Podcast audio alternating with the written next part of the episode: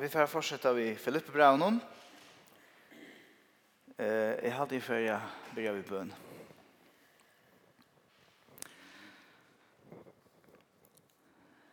Eh, Herre, tack för allt. Tack för alla signingar. Tack för ditt verska Golgata. Tack för upprösterna. Tack för allt ditt år som vi kunne lära och som vi kunne fylla oss vi og som vi kunne som dere andre kan mättas det av og som vi kunne vekse av. Eh, for at hele andre Jag tror att jag vidt og skil till att skilja. Ehm döpte til å skilje løgnedommene lögnedomarna ut under året hjelp å kunne grave og leite og skilje Ja, alt det som ständer. først og fremst at gjøre det som to Det som to sier vi fariserar är at, at at leite etter tær i skriften om Jesus. At finna te, at finna liv, at finna personen i skriften. Kom, Heiland. Kom, vi til Amen. Ja, vi er kommet til kapittel 3, og vi leser han bare opp først. Filippe brevet og um, han ska han ska Heine kan köra PowerPoint ja. Så läs han bara upp ehm um,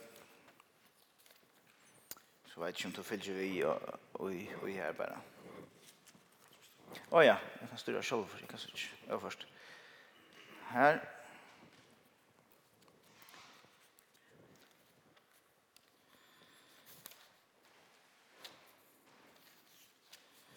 Filippe brev kapitel 3.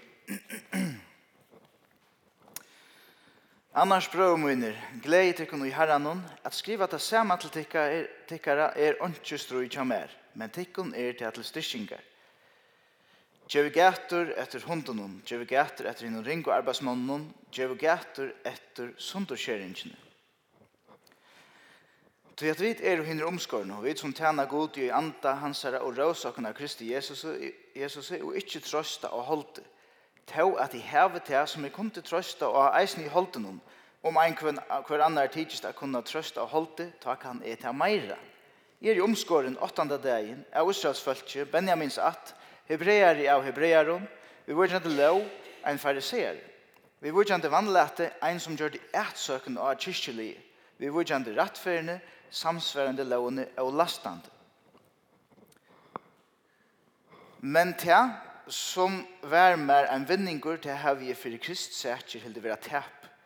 Ja, og sånn haldi jeg eisen i alt vera tæp i møte tøy, som er så negv, eh, som er så negv mætar, kunnleggen om Krist Jesus, herra moin. For hans her skuld har vi mistet alt samalt og møtet det jant vi skatten, fyrir at jeg må vinna Krist. Og vera funnen i hånden, så at jeg ikke har rettvise moina, hana som fast av lov, men hana som fast vid trygg av Krist, rattvisene fra gode, troar vekna, til tess at jeg må kjenne han og kraften av oppreisen hans herre, og samfellet i løyngon hans herre, vi til at det vil sammen daur vi han og deg hans herre. Om er til å måtte etnast å nå til oppreisene fra deg. Det er ikke så at det langt å heve noe tog, eller langt å er fullkommen, men det strømper etter tog, om jeg skulle kunne gripe det, vite at jeg eisen er gripen av Kristi Jesus. Brøver, jeg halte ikke meg selv enn har gripet det, men at gjør jeg, jeg løymer til som er atan for bæk, og jeg retter meg fram etter tog som er for framman, og skunde såleis at malen noen til tan siersgrip som god hever kattel okken til ur erva i Kristi Jesus. Læt om okken tog så mennesker som fullkomner er og hava hetta holindi. Og om tid i einum kverin hugsa örvise, ta skal god eisen oppenbera ta tikkun hetta. Best at vit, så lengt vi til komner, halta som og lei. Vere brøver samløyger mer, og gjere tikkun fær om teir, og i livet etter tog fire døme som tid hava, og i okkun. Tog at mennesker liva, jeg har vi ofta sagt tikkun det, og nu sier det eisen gratande, som fudgjendar av krossekrist. Ende tarra er glætan, godur tarra er bokeren, og ære syna sett at er kjent syna, tar som troa etter lotunun av hjørne. Du ja borgaraskapur okkara er av himnun.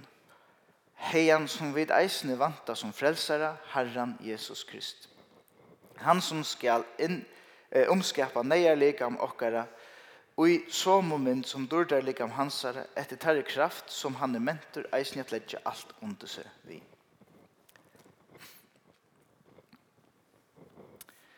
Ja. Her er utrolig nekv. Utrolig nekv, og jeg må bare si på en av veien, jeg får ikke, vi får ikke utkjørst alt, så nek som det hever oppe bare, så jeg, jeg, jeg har vel lukket som tidsi nøkker ting på sjur, um, som jeg halte, som, som, som sier mer, som sier mer mest, eller så.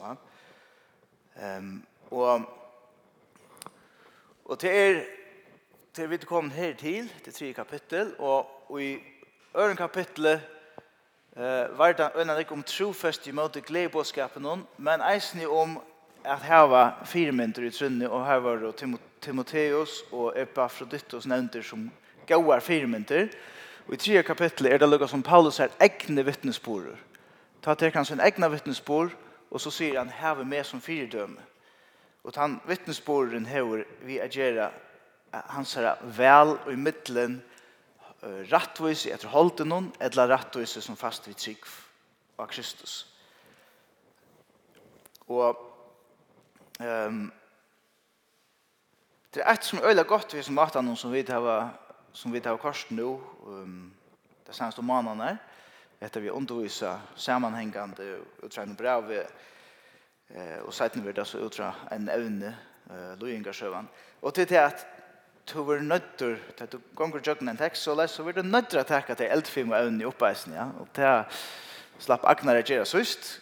Jeg halte ikke det så reelle eldfim til som er i Filippebraunen, men til øyelige avbjørende.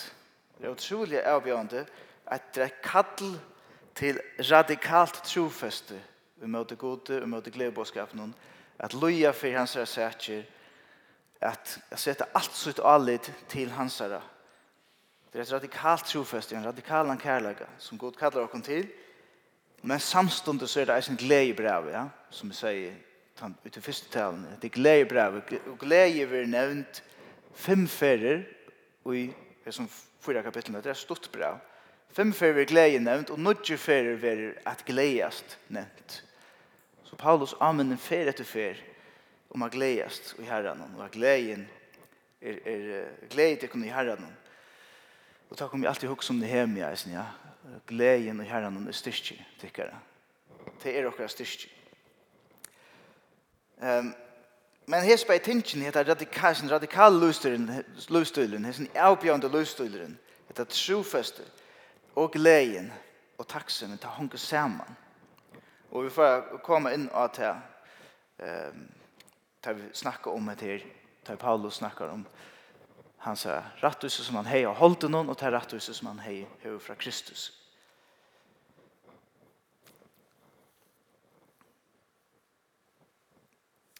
Ja, så vidt fer i holdt vi vers 1.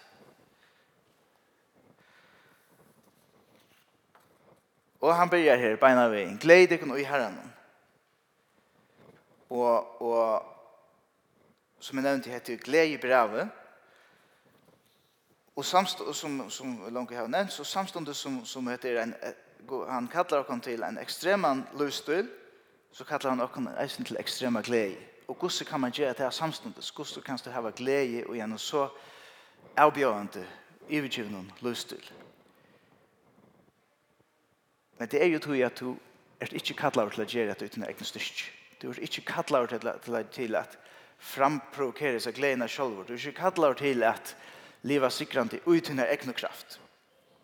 Matteus 11, 28-30, her sier Jesus, Kom her til min ødeltid som arbeider og genga under tungen dyren, og jeg vil veita at jeg kan kvile. Tæt jo på at jeg kan åk mot og lære av mer. Tog at jeg er speklendur og ei mjukker av hjertet, og ta skuldit finna kvile for salontikkere til at litt er åkmoen og latt er byrumoen. Så selv om det er reallig avbjørende som Gud kallar åkon til, så er det gagnlet og det er latt. Og vi får at utdupa meira, hvor det er latt, hvor er det. Så Galaterbrand 5, 1, her vil definera sin det kvært dette åkje er som Jesus kallar åkon til. Åk mot det gagnlet, hva er dette åkje. Her stender til fralses hever Kristus fri okkon. Standet vi faste og lete der ikkje atter få at kom inn under tjaldoms åk. Så han kallar okkon til fralse. Til fralses hever Kristus fri okkon. Ikkje inn under tjaldoms åk. Så ta gamla åkje år vi kom inn til Kristus her åk. Det var et tjaldoms åk. Her man var træler under syndene, under sin egen og og eisne trælur under sunnar og strempan etter at vinna rattvise, som du ikkje kanst ut av sjolvun. Du kanst ikkje vinna henne. Du er en trælur under en rævlig åkje. Han kallar okkom til et fralst, et fralsesins åk. Her vi strujast ikkje for å vinna fralse, du han er langt vunni okkom da, hvis vi takkar møte du, men her vi strujast ut fra tog fralsen som han har vunnit oss. Utfra tog nøyen som han har vunnit oss. Og tog kunne vi gledes. Vi kunne gledes til at dere arbeid er ikke langt til fanøydes. Det var til fanøydes. Det kunne ikke bjerga der på nærkere måte. Men nå kunne vi strøyast ut fra hans nøye og ut fra hans kraft i stedet for. Struja troer enn er gåa strøy. Så det er et, et fralst åk som god som vi kunne takke åkken, eller lette god lette åkken.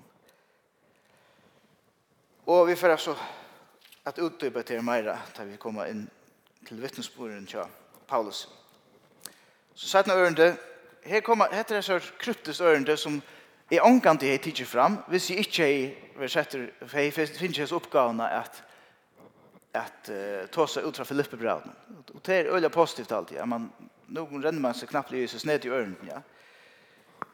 Gjeve gæter etter hunden hon, gjeve gæter etter, etter hinnom ringo arbeidsmannen hon, gjeve gæter etter sunderskjeringen. Hvis jeg takker hundene her først, hundene var jo ikke menneskens beste viner, og i Filippe, og i, uh, og i første ølt. Der var det i, og der var det utskott, og der var satter som et lagt kreatur. Der gikk og leiser, og, og, og i gøtten hon, kanskje i flokken, og leita og etter mæte. Altså, der var det etter der, og, og, og kanskje lå på der eisen i avverjuleis folk, og, og djør. Og der var heta i det, og, og hvor jeg følte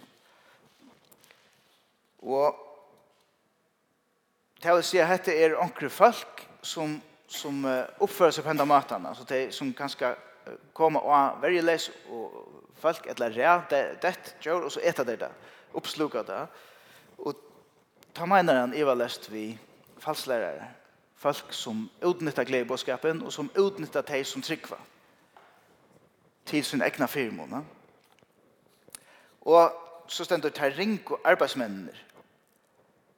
Og her er kanskje en bedre omsetning till önt och arbeidsmennene. Det er ikke bare vanlige, altså, men det er faktisk öntar eh, atlaner og i hoa og i hitjo vi tusen ter gjerra. Så det er under. Uh, og så er det det siste sunderskjeringen, og, og det griska året her kan um, heve nekka vi er skjere av gjøre, og ta menes vi omskjeringene. Uh, og, og her var det ikke meint, og her var det meint som om negativt, altså det er, det er ikke bare lett seg omskjere, men det er skjere faktisk alt av. Eller skjere for negve av, det er limløsta seg selv. At norsk støtta skamskorner, og til en følsk omskjering tog at det er halte at det snur seg om omskjøringene. Det er halte at det snur seg om å skjere seg i holdet. At det er det som gjør det rettvise. Det er halte at hvis vi er lett med omskjøre, eller hvis vi er lett en, en proselytt, altså en som har vent seg til til uh, jødisk og trunna, hvis vi er lett han omskjøre sånne rettvis. Og det vil du eisen omskjøre til kristne, til kristne heitningene, ja? Paulus sier, det er ikke nøyut. Det snur seg ikke om å skjere seg i holdet. Og, og, man, og man ser at han er sin ytler til han, til han skriver det på en av matene. At det er sin oppfattet å skrive faktisk. Han, han er ytler. Ikke tvinga til nøyfrelst til at omskjere seg. Til at tid forvirrer deg. Det snur seg ikke om omskjeringen. Det snur seg om å være omskårende i hjertet. Det snur seg om at trikva av god, sette sitt alit til hans herre, og ikke sette sitt alit til holdet. Og nu er det han, han fer inn i seg, inn i seg ramsene. Hva han hever i holden og mot til hinner. Han hever så reelle negv meira enn hinner, enn hinner, altså falslærerne, og i holden. Han hever alt som du kan innskje der, for jeg vil ha rettviser i holden. Men det er nytter han ikke. Um, han sier så i ørende troi, Tog at vi er jo hinner omskårene. Vi som tjener god i andre hansere og råse av Kristi Jesus og ikke trøste av holdt. Vi som tjener god i andre, ikke i holdt. Ikke i okker egne kraft. Ikke for å vinne okker egne rettviser. Men vi tjener noen i andre. Og i andre hansere. Og råse av Kristi. Vi råse okken ikke av oss selv, men av Kristi. Vi lytter han opp. Og vi lytter ikke okker egne holdt. Vi lytter ikke okker egne gjerninger, okker egne rettviser det er det som er veldig omskåren. Så selv om andre av kunne omskåren her inne, men vi kunne være at det er veldig omskåren om vi lytter av god, sette akkurat alle til hans her, så kunne vi være at det som er at det er veldig omskåren. Og så får han i ramsene, eller ikke ramsene, men i, i oppreksene, av det som han hever i holden. Tå at jeg hever til som jeg kunne trøste, trøste og eisen i holden om, Om kvar annar tidsist a kunna trøsta og holde, ta kan det ta meira. Jeg er i omskåren åttanda dagen av Israels Benjamins att, hebreare av hebrearen, vi vurgjande lov, en fariseer. Det vil si, han kjente lovna ut og inn. Han var eksperter. Vi vurgjande vannlete ein som gjør det et søkken av kyrkjeli, så ungen kunne si at han ikke var no passionate. Han hei omidja passion for gode. Han er sånn ega passion at han forfyllte teimen som, som han helt uh, pratika av vantrygg. Eller ikke vantrygg, men vannlær eller renglær. Han sette det i fangsel. Vi var kjente rettferende, samsværende lovene, og lastande, til å si han har fyllt lovene til punkt og prikka. Angen kunne sette fingrene av. Men så sier han, alt dette har vi vraka fyrir at vinna rattvise som fast vi trygg fra Krist. Han møter det som tap, han møter det som nyttelest og viruslest. Og jeg halte ikke han sier ut høy at alt det er etter ringt. Det er ikke det han sier. Det er ikke ringt at fylltja lovene. Det er ikke ringt at gjøre gav. Men til nyttelest, det kommer til okkara støv og ifri god, fullkomlig nyttelest. Vi kunne ikke gjøre for å oppnå bjerging. Det kan ikke bjerge, og det kan, og det kan bli ringt hvis det kommer i stedet for i trunna av Kristus. Så blir det noe beinleis negativt og i okkara liv, om vi kjenner. Kanskje onkur fer avgavane av det at du lever rett. Vi menneskene sier om godt liv, men for jævnleikene har det omgang tøytning, og kanskje blir det et negativt ting for jævnleikene. Du tar helt det derfra, til verilig frelsene som fast av Guds nøye, som fast vi trygg.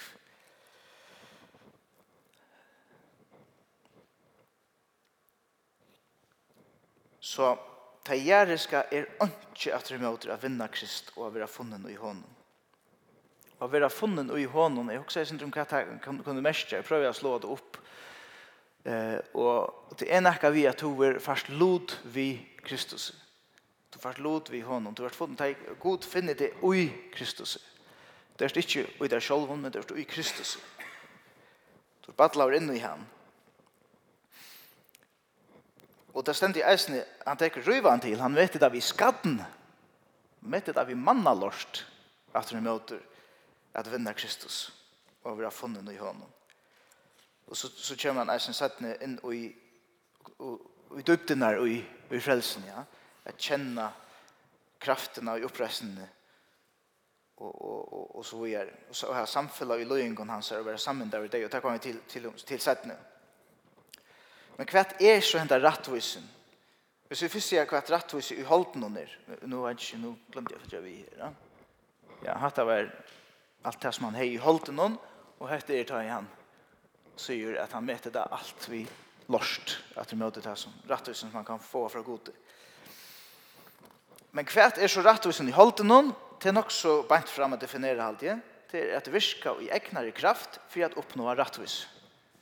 Og ta er det som at du er oppe på deg selv, du har ikke bruk for god, du har ikke bruk for at Jesus dør av krossen og fyrt deg, eller at han ryser opp at du, du har ikke bruk for at jeg kommer til hans herre, nøye og fyrtjøring.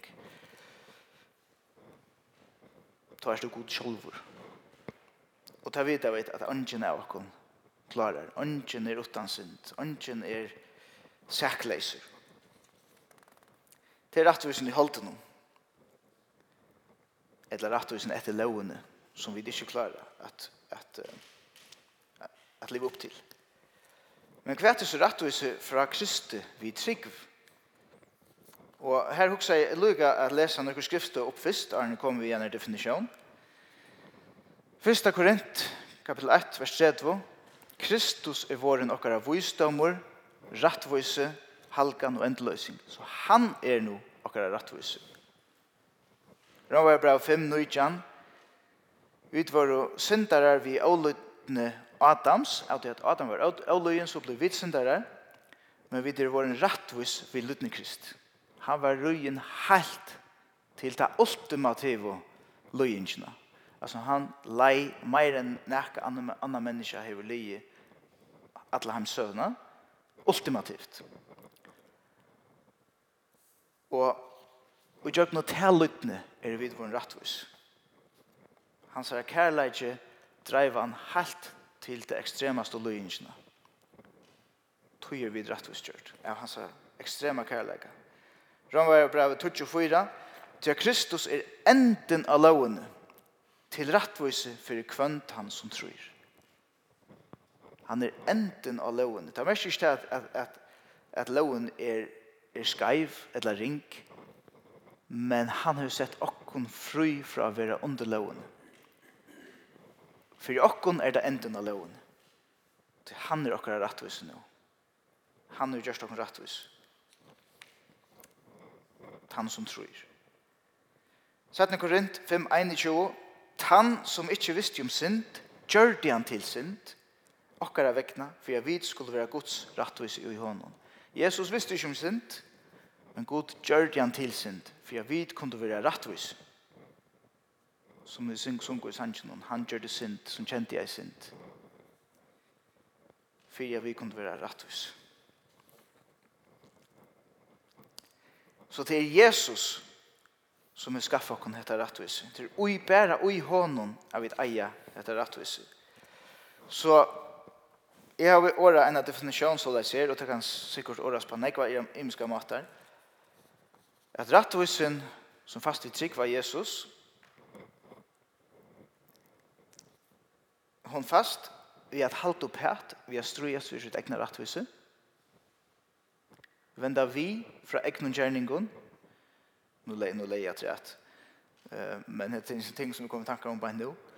Jag väntar vi för att är synd och lyta och blå Kristus. Att lyta och hans är verk. Att ge oss i hans är hänt. Och det innebär med den andre att vi vreka allt som vi har i våra egna hållt. Jeg mener ikke til at vi skulle si at det er ringt, men jeg mener at vi det vrekker til at det kommer til akkurat støv og ufor god. Er du en kærleksfotel person nå? Er du gav og mild? Er du fitt? Er du bløyer? Er du omhugsen? er full? Gjerst du imest for å hjelpe folkene? Hugsa du om ånder? Bier du nek for dem? Offra du tog og penger for Guds rydtje? Gjeve du til hjelpararbeid, fers du umsastani og hjelper. Alt hatt er godt, men ondj av du er ment av frelset. Ondj. Lika mykje gosse og gaur du erst, og i manna egen, eller uten egen egen. Ondj av du er ment av frelset. Sjalt ikkje det tryggvande og i gamla testamentet, hetjene i gamla testamentet som levde etter lovene, eller levde under lovene. Sjolt ikkje teivar frelste av lovene. De var ikke frelst av gjerningen, men av trygg. Så stender langt i første Mosebok. Første Mosebok, kapittel 15, vers 6. Ta tro i Abraham, herren og han råkna jo noen til til rettvis. Langt her var rettvis gjerning av trygg. Og det stender eisene ærastens som Nudja testamentet at at hekjene i Gamla testamentet så fram og imøte Kristi deg. Og det gledde seg til den dagen Jeg vet ikke hvordan tilvita det har vært, om det har finnet en oppenbering av at Guds soner for å komme og dødja for syndene og alt det, eller om det har vita at Gud for å komme ved en erbjergjeng. Jeg råkner vi at det er forstått meg at det vil være mer ådefineret. Det har ikke akkurat vita hvordan det kommer så ikke ut, men det har vært tro god at Gud for å komme ved en løsning. Og høyde der livet, ta Jesus, kom vi løsningene, så hadde det troen. Og det var råknet dem til rettviset og tar blir frelst av tog. Så så vi er ikke frelst av gjerne, kommer vi være frelst i trygg. Og dette har vi tørst menga, men, men, men, men dette eier vi det takk opp at opp at opp at um, Men hva er det, hvordan så vi gjerningene? Vi tar ikke stegga vi er gjerra, gav gjerninger. Ta vet vi. Men vi eier gjøre det gode, ikke for å oppnå rettvisene. Han har vi langt å finne fra gode. Men er lyttende og tog at det er rett. Vi vet at det er rett. Og takker vi det møter hos rettvisene fra gode. Lever vi i hans nøye. Så fer det eisen, så eier det å virke i oss. At gjøre det gode. At legge synden av i okker livet Jeg gjør oss over til hans herre og til menneskene i okkara løyve og i kærleika.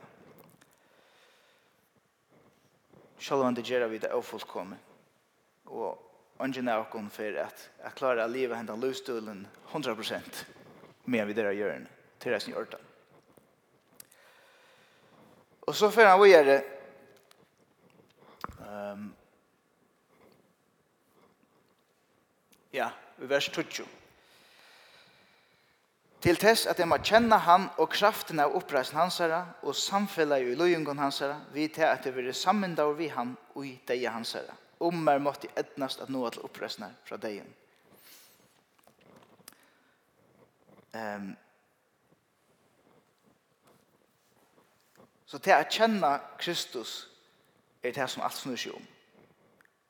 Og så sier han, og kraften av oppreisen hans herre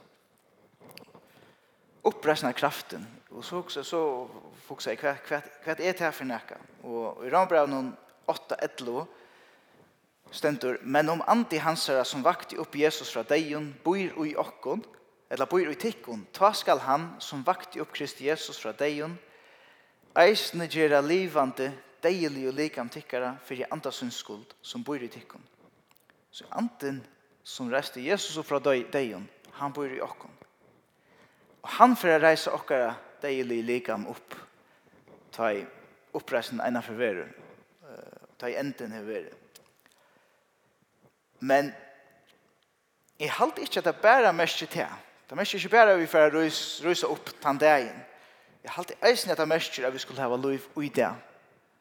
At anden for at gjeva okkon liv ui okkara likam, ui okkara liv ui det. Og Her, det kan mest alt mulig.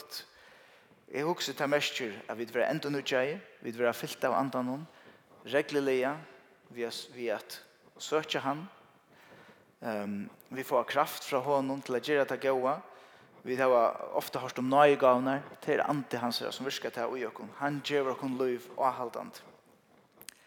Så oppreisende kraften, og, og, og han sier at kjenne oppreisende kraftene, Og det er alltid vidt eier strømpe etter eisen. Jeg kjenner kraftene. Og, og til eisen sjående eisen er avbjørende.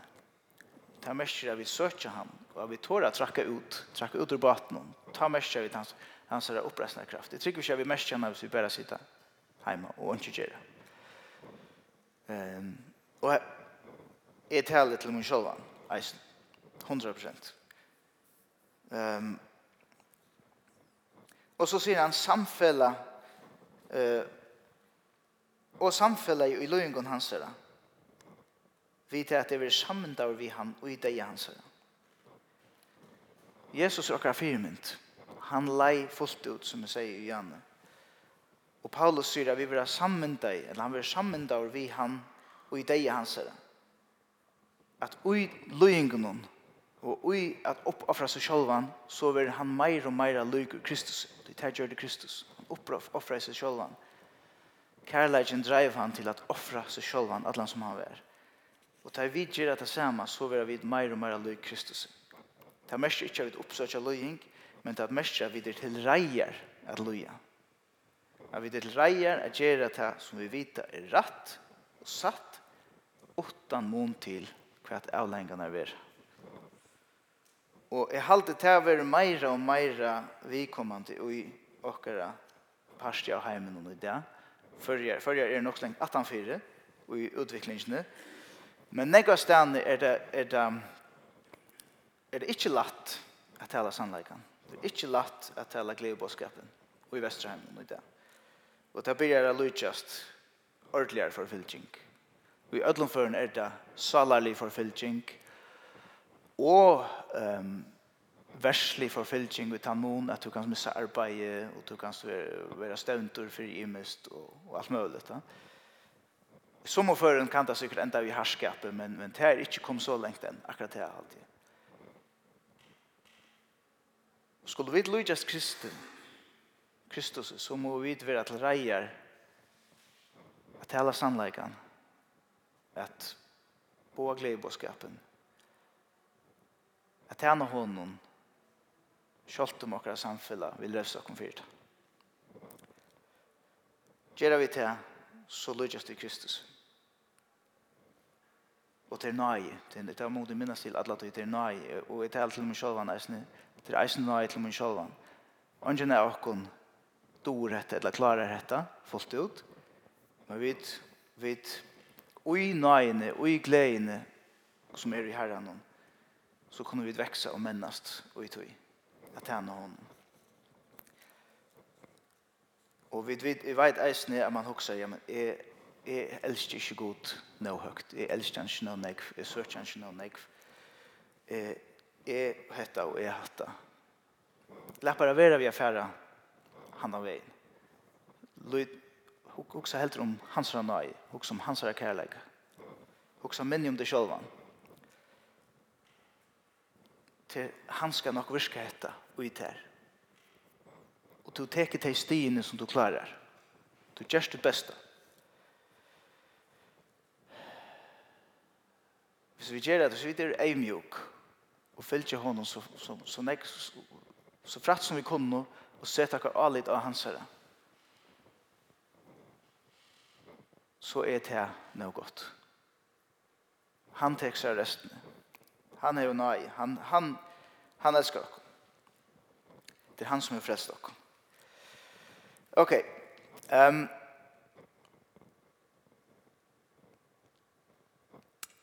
og sjalt ikke, og dette her, dette kan være til større oppmuntran, oppmuntran for Jakob Ødel. Han sier, og til neste, så sier han, det er ikke så at jeg langt har noe til, eller langt er fullkommen men jeg strømpi etter tog, om jeg skulle kunne gripe det, vidt at jeg eisen er gripen av Kristi Jesus. Sjalt ikke Paulus var blitt fullkommen. Sjalt ikke han hei oppnått det. Brøver, jeg halte ikke med sjølvan enn hava gripet det, men jeg men at gjør jeg, jeg gløyme det som er atan for i bæk, og jeg ratte meg fram etter tog som er for framman, og skumte så lagt at malen noen til hans syrsgrip som god til å kalle til ur erva i Kristi Jesus. Lætt om okkon tøy som mennesker som fullkomner er og hava hetta hulende. Så lætt okkon öll strempa etter sierskransen eller dørgripen fra honom. Lætt okkon strempa etter fullkommerleik. Det skulle vi, det stender eisen i eisen. Strempi etter å være fullkomner. Strempi etter å lydes Jesus. Og her vi, og han sier, her vi okkon, her med som fyredømme. Skulle strempa etter å være som Paulus og Terje. Og velvitande at vi klarar det ikke. Og til jordan. Men vi strømper etter det. Vi struer, uh, uh, tror enn er gav strui. Og nøyen ordner rest. Um, og vi sutja og kina i pørstum. Og vi får omgang til at oppnå fullkomlega, men vi må hitja frem etter, og vi må seta akkur alit av Kristus. Og var vi fullkommen, så er det ikke bruk for Kristus. Så, um, jeg får ikke si sånn jeg om resten av, uh, av Filippe Braunen, Det er en anmenning om at vi skulle ødelhalda som og lei, og at uh, god for å åpenbære timen til han som ikke har finnet oppenbæring, til som oppenbæring, God skal nok leie til her, oppenbære til her. Og så en anmenning om å lydjast Paulus, gjøre på, på samme måte, strømpe etter Guds rettvis, ikke sin egna. Og etter vers 18 er etter en anmenning om å gjøre gater etter uh, timen som strøyeste møter gledbåskapen. Det er menneskelivet som fortjenter av Kristus Krist. Så, ja, Så det som er då jeg suttja, eller som jag halte med suttja och i Filippebraunen, som jag nevnt flere för, at, att, Filippe Braun är ett radikalt kall til okkon som tryggva, til kyrkjena, til kyrkjulie, at liva og loja fyrir gledeboskapen. At liva radikalt. Uh, og det stender i kapittel 1, i Filippe bra, nå ta ta ta vi ta, ta oss an om det ta, at livet er med Kristus og degen en vinninger. Så livet for Paulus, livet for han snur seg om Kristus og degen det som han snur seg er som Kristus. Det var å komme hjem til Kristus. Så anten vi lever, så snur det seg om Kristus, og anten vi dodger, så snur det seg om Kristus. Um, Vi har akkurat vært i Seiaskår, vi har Seiaskår i Gjør.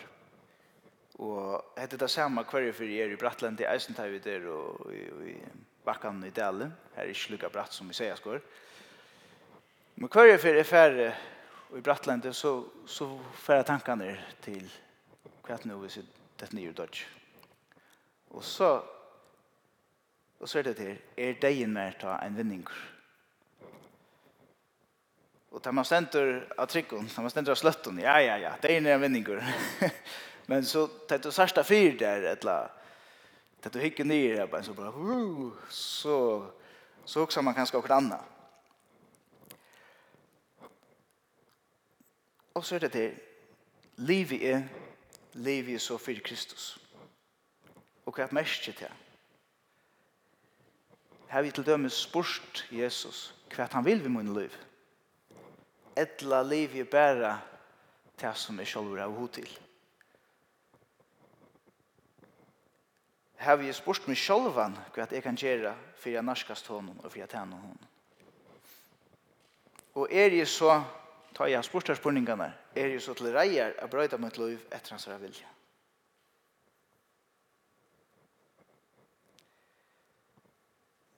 Og er alt dette her gjerriska, det, verst, det, det som fyller okkar liv, er alt det som er tap for okkar at vi møter av vinna Krist.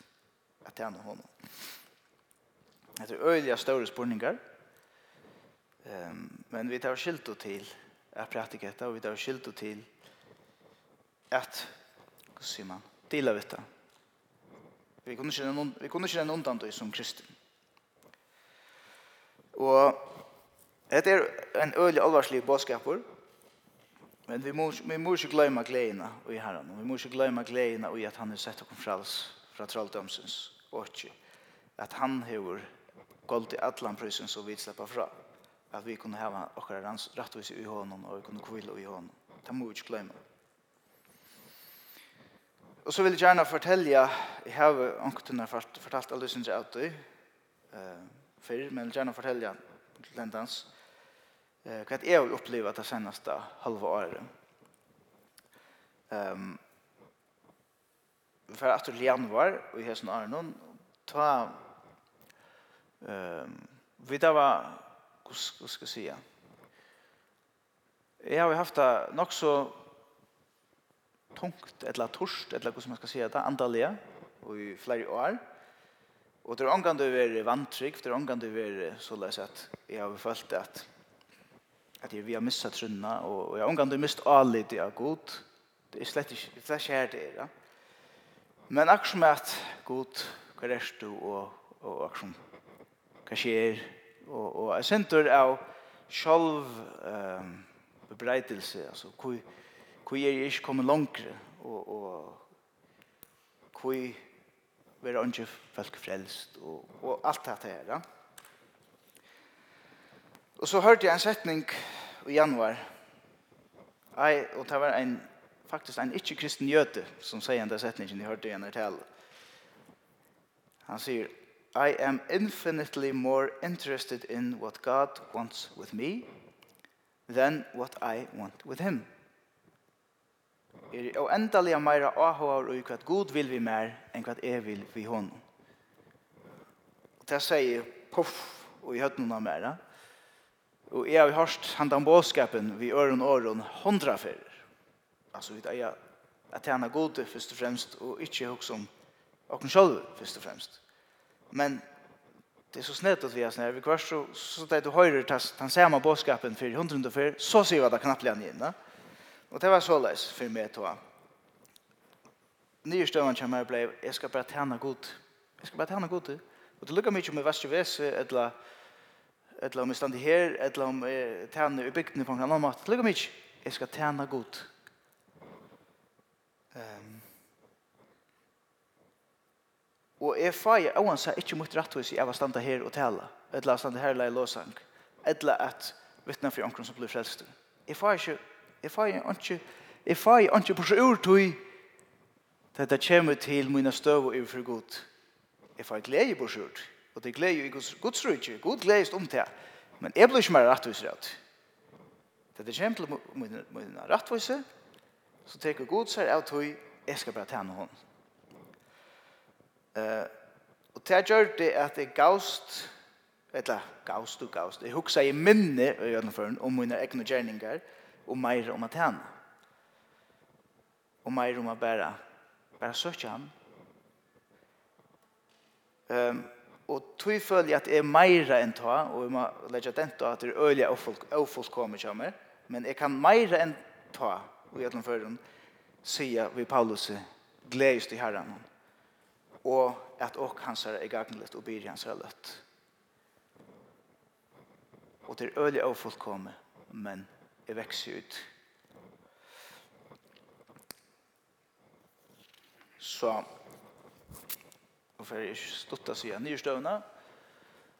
Nyrstøvende er at vi må vrekke rettvisene som vi får og i holdt noen. Vi må vrekke til alt det gode som vi kan prestere i oss selv. Og endelig stegge ut. Det er slett det jeg sier. Ikke stegge ut, men du må vrekke det til det kommer til ratthusen. Du må ikke lete at dine styrker definere dine støv og i god. Det ligger mye om du er godt eller ringt mennesker. Du har bruk for Guds rattvis. Akkurat lukka nekv. Du må mottaka rattvisna som fast vi trygg og seta allit til hansara nøy og tro, trofest. Og så måst du virka herutfra, utfra nøyene. Vi der jeg gledes til herran noen til åk hans er litt og ber er løtt. Han har frelst okkom. Han er gjør okkom nøyene til sannligane når jeg gledast om og vi lever under frelsesens åkje og ikke traldomsens åkje. Og så er det her som er at djevåkon, hva sier man, et anterom, et, et, et lattelse til at vi kommer omgang til å leve fullkomme, det gjør det Paulus ikke en gang, men vi må glemme til som er 18 for bak, vi må glemme kiksene, vi må se om det lærer av dem, men vi lærte ikke til å definere oss, og vi strømper fram mot malen.